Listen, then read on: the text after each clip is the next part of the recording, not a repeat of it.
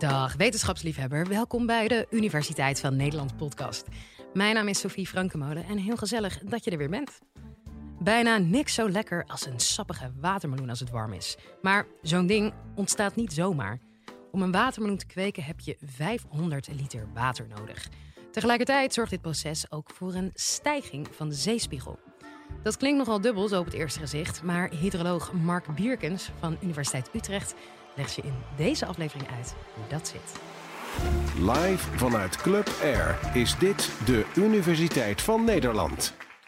Ik eet graag watermeloen. Hè. Een gemiddelde watermeloen is ongeveer 2,5 kilo. En uh, als je naar onze hoofdvraag kijkt, en jullie hebben allemaal studenten uit Delft, die zullen dat zeker weten. Die kennen de wet van Archimedes. Ik gooi dat ding in het water en de verplaatste volume is ongeveer wat de zeespiegelstijging teweeg brengt. Dat zou je denken in, in eerste uh, opzicht. Maar ik ben dit kwartier hier uh, om jullie te vertellen dat dat niet het hele verhaal is. Het verhaal hier is dat uh, deze meloen meer is dan die 2,5 kilo, eigenlijk water, wat hierin zit. Om deze meloen te maken, voordat hij bij mij op mijn bord ligt, is ongeveer 500 liter water nodig. En dat komt omdat om die meloen op te kweken, je het plantje moet laten groeien. Dat plantje dat heeft water nodig, het zij regenwater, het zij irrigatiewater. En uiteindelijk is dat zo'n 500 liter voor een meloen van 2,5 kilo. Dus zo'n meloen heeft eigenlijk naast het feitelijke water wat erin zit, uh, zit daarachter wat ze noemen virtueel water. Het is water wat er niet feitelijk in zit, maar wat je uiteindelijk nodig hebt om het te consumeren, om het consumptie rijp te maken.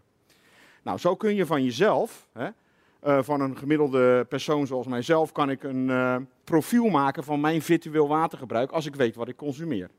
Nou, dat noemen ze de watervoetafdruk. Ik kan dan uitrekenen wat mijn waterverbruik is per jaar en dat is ongeveer 1500 kub per jaar. Daarvan is maar een paar procent, maximaal 5 procent, komt doordat ik douche, naar het toilet ga en dat soort dingen. Het meeste, verreweg het meeste komt door mijn consumptie. Zo eet ik bijvoorbeeld uh, graag vlees. En een biefstuk die komt van een koe. Die koe die is uiteindelijk grootgebracht door ruwvoer, krachtvoer, uh, gras. En dat heeft water gebruikt. Dus daar zit heel veel virtueel water in zo'n biefstukje. Uh, recent was er wat te doen over pubers die te veel douchten. Uh, ongeveer drie kwartier of zo per dag uh, waren ze aan het douchen. En dat was enorm slecht voor waterverspilling. Nou, als je tegen die pubers zegt dat ze één dag per week geen vlees eten, dan kunnen ze de rest van de week kunnen ze gerust 45 minuten douchen. Geen probleem. Behalve watergebruiken ben ik ook onderzoeker.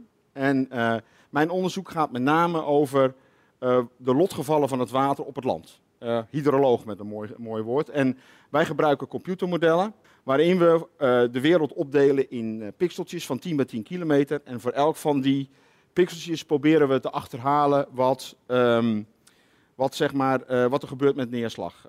welk gedeelte stroomt af via de rivieren, welk gedeelte wordt door de planten opgenomen en verdampt. welk gedeelte komt in het diepere lagen terecht, maar ook welk gedeelte wordt door mensen gebruikt.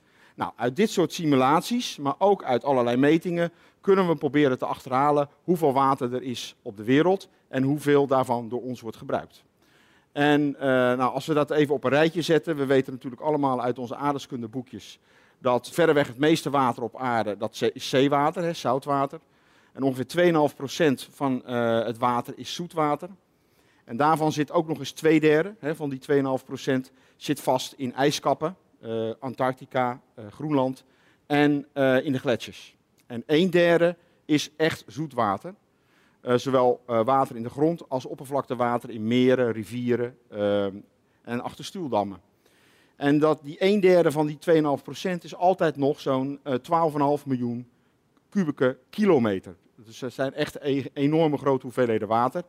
En, in, en als je zou kijken hoeveel water er dus beschikbaar is, en ook hoe we hoeveel er per jaar bij komt, dat is ongeveer 40.000 kubieke kilometer, dan zou je denken, waarom hebben we überhaupt een waterprobleem? En ondanks dat is er, hebben we met z'n allen toch, of in ieder geval een gedeelte van de mensheid, heeft last van wat ze noemen waterstress. En wat is waterstress? Nou, waterstress wil zeggen dat je op enig uh, tijdstip, op uh, enige plek, niet al het water tot je beschikking hebt wat je zou willen gebruiken gegeven je behoeften. En dat gebeurt in ieder geval 2,5 miljard mensen op aarde hebben daar last van. Nou zou je denken, waarom is dat eigenlijk? Uh, en dat heeft te maken met het feit dat de verdeling van water, ook de verdeling van mensen over de wereld, niet evenredig is. Dus uh, wat je van nature ziet is dat mensen wonen in gebieden waar voldoende neerslag valt uh, om landbouw te bedrijven. Daarvoor heb je ongeveer 250 mm neerslag nodig. Uh, dat is ongeveer de grens. En als je minder neerslag hebt, dan wordt landbouwbedrijven een probleem. En wat mensen zijn gaan doen, is natuurlijk water uit de rivieren halen in die drogere gebieden en daarmee hun akkers bevloeien. Nou, en als je kijkt naar het watergebruik op de wereld, uh, laat dit zien. Dan zie je, dit zijn, is het watergebruik in kubieke kilometer. Uh, ter referentie, in het IJsselmeer zit ongeveer 3,5 kubieke kilometer water. Um, dan kun je dus zien dat verreweg het meeste uh, water gaat op aan irrigatiewater. Dus we hebben het hier over 1400 kubieke kilometer water gaat op aan irrigatie. Dat water wordt met name gehaald uit oppervlaktewater, maar de helft komt ook uit grondwater. Met name in hele droge gebieden waar de rivieren niet afvoeren. Nou zou je natuurlijk denken van, wat is dat nou, dat grondwater? Er zijn veel misverstanden over. Uh, heel veel mensen denken dat dat ondergrondse rivieren zijn, waar je met een wiggelroede die je kan opsporen. Maar de praktijk is dat dat natuurlijk uh, dat dat grondwater eigenlijk overal zit. Hè. Het, hier in Nederland, in ieder geval als je naar het westen gaat, waar je ook een gat graaft, binnen een meter loopt dat vol met water. Dus grondwater zit overal. Dat stroomt heel langzaam naar de slootjes toe, naar de rivieren toe. En naar de, naar de zee ook uiteindelijk.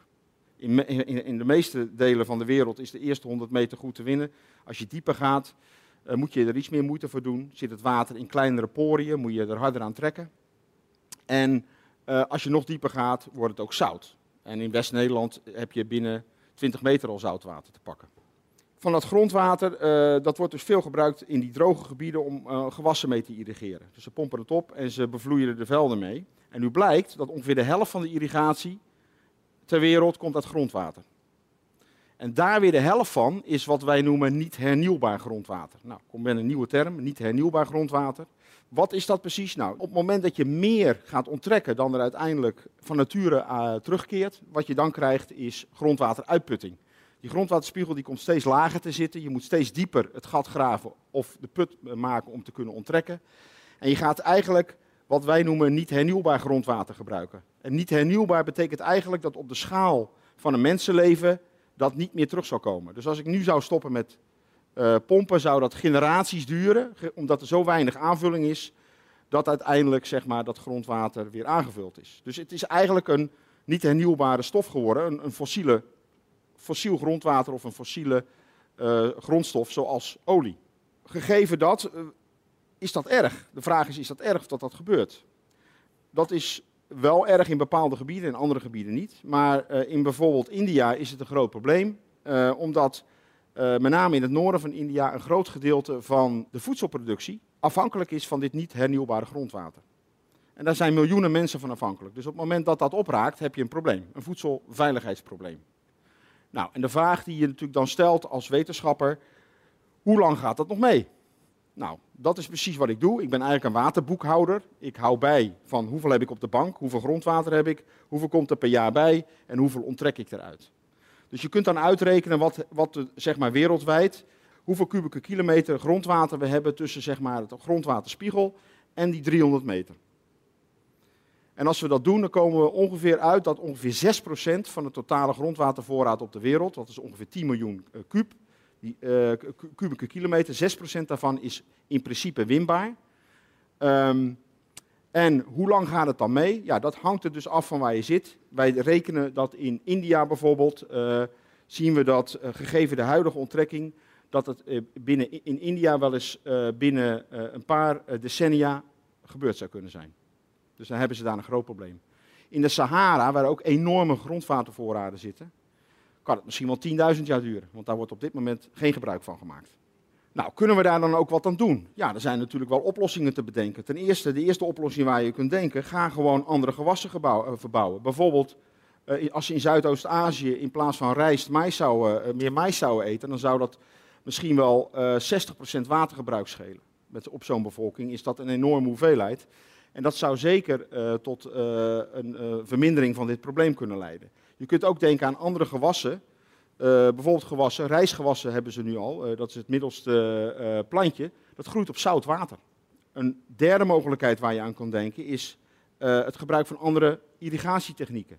Dus um, het gebruik van druppelirrigatie bijvoorbeeld in plaats van het bevloeien van velden, waardoor je minder water gebruikt. En tenslotte, heel veel van die gebieden hebben, in, hebben eigenlijk een soort uh, duaal karakter.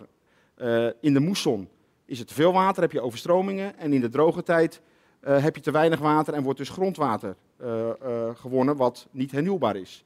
Je zou het liefst natuurlijk dat overvloed in water gedeeltelijk vasthouden en herinfiltreren en dan in de droge tijd oppompen. Dat doen we overigens in Nederland al sinds 1940. Hè. We laten rijnwater infiltreren in de duinen en dat wordt opgepompt als drinkwater. Nou, dat is een prachtige techniek. Dat werkt alleen niet overal. Bijvoorbeeld in Vietnam, waar we ook last hebben van grondwaterstandsuitputting. Daar heb je zulke dikke kleilagen aan het oppervlak zitten dat je dat water zou moeten infiltreren met diepe, eh, of eh, injecteren met diep, onder hoge druk met uh, diepe injectieputten. en dat zou gewoon veel te veel geld kosten.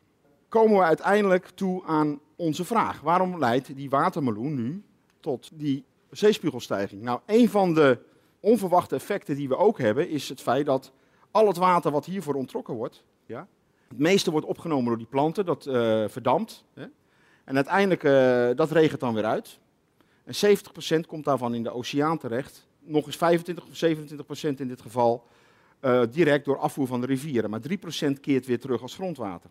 Dus al dat niet hernieuwbare grondwater, verreweg het meeste daarvan, uh, komt in de oceaan terecht en draagt daarbij dus mee aan die zeespiegelstijging. En dat is, kan wel zo'n 10% van de huidige zeespiegelstijging kun je verklaren door de grondwateruitputting mondiaal.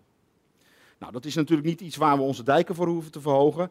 Maar in de sommetjes die de mensen, de klimaatwetenschappers maken van de huidige zeespiegelstijging, welk gedeelte komt door klimaatverandering, dus door ijskappen, gletsjers, uh, uitzetting van het zeewater en welk gedeelte komt door andere factoren, is deze factor groot genoeg om mee te nemen.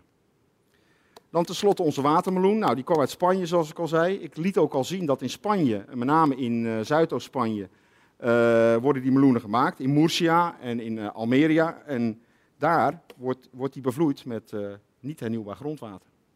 Nou, als ik er nou van uitga, een beetje conservatieve schatting, dat ongeveer de helft van het water gebruikt voor deze meloen niet hernieuwbaar grondwater is, dus 250 liter, ongeveer 25 ms water, dan met onze meloenproductie dragen wij dus bij aan ongeveer uh, 6,5 miljoen kuub zeespiegelstijging door het eten van meloenen in Nederland alleen. En ehm, ik zou jullie willen eindigen eigenlijk met een advies. Als jullie met jullie neefjes, nichtjes, kinderen of kleinkinderen naar het strand gaan op een warme dag en je neemt een watermeloen mee, zorg dan dat die kinderen 25 emmertjes zeewater van de zee naar de duinen uh, uh, op en neer lopen en dat daar leeggieten. Want dan eet u uw watermeloen zeespiegelneutraal. Dit was Mark Bierkens. En heb jij nou ook een vraag die je graag beantwoord wilt hebben door de wetenschap? Spreek dan de Universiteit van Nederland hotline in. Je vindt het nummer in de beschrijving. Volgende keer gaan we het hebben over hoe je samen het best seksueel opgewonden kan raken. Tot dan.